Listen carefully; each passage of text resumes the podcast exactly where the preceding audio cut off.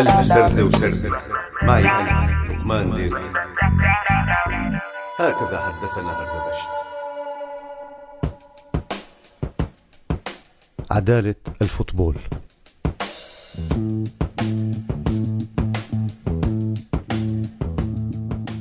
وفي زحمة الأعلام الملونة الجميلة للدول المشاركة في كأس العالم يضع بعض الناس في غفلة من الجميع أعلاما أخرى لا علاقة لها بالمونديال. فهذا شخص أرمني يضع علم أرمينيا بين علمي البرازيل وإيطاليا.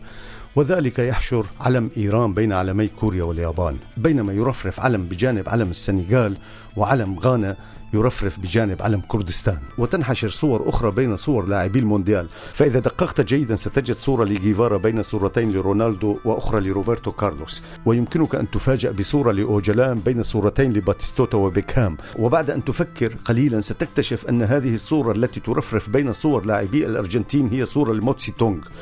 وينزعج المسؤولون عادة من صور اللاعبين فهم أكثر شهرة منهم على الرغم من شهرتهم أيضا ويحسدون اللاعبين على مهاراتهم على الرغم من امتلاكهم للمهارات أيضا ولكن مهارات من نوع آخر ومختلف. فاللاعب ماهر بإشعال المدرجات وإعلاء الصرخات عندما يتفنن ويحرز الأهداف.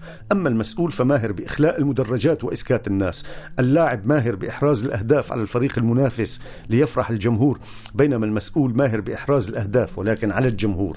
اللاعب يستعرض يستعرض مهاراته ليفرح الجمهور بينما المسؤول يستعرض مهاراته ليبيض وجهه أمام السلطات أو أمام زوجته ولكي يبكي الجمهور.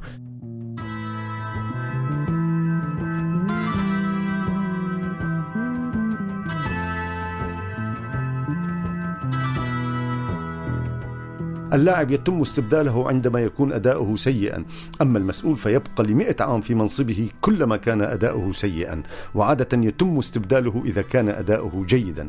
اللاعب لديه مدرب يقوم أداءه أما المسؤول فلا أحد يتجرأ على تقويم أدائه. اللاعب تتهافت الأندية عليه كي تشتريه بينما المسؤول يتهافت على المنصب كي يشتريه.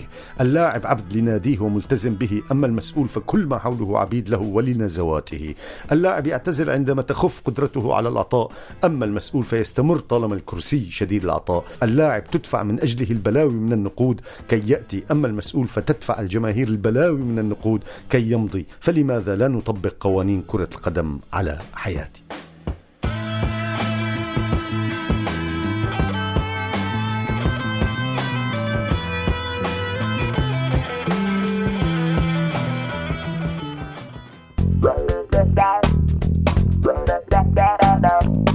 هكذا حدثنا هردبشت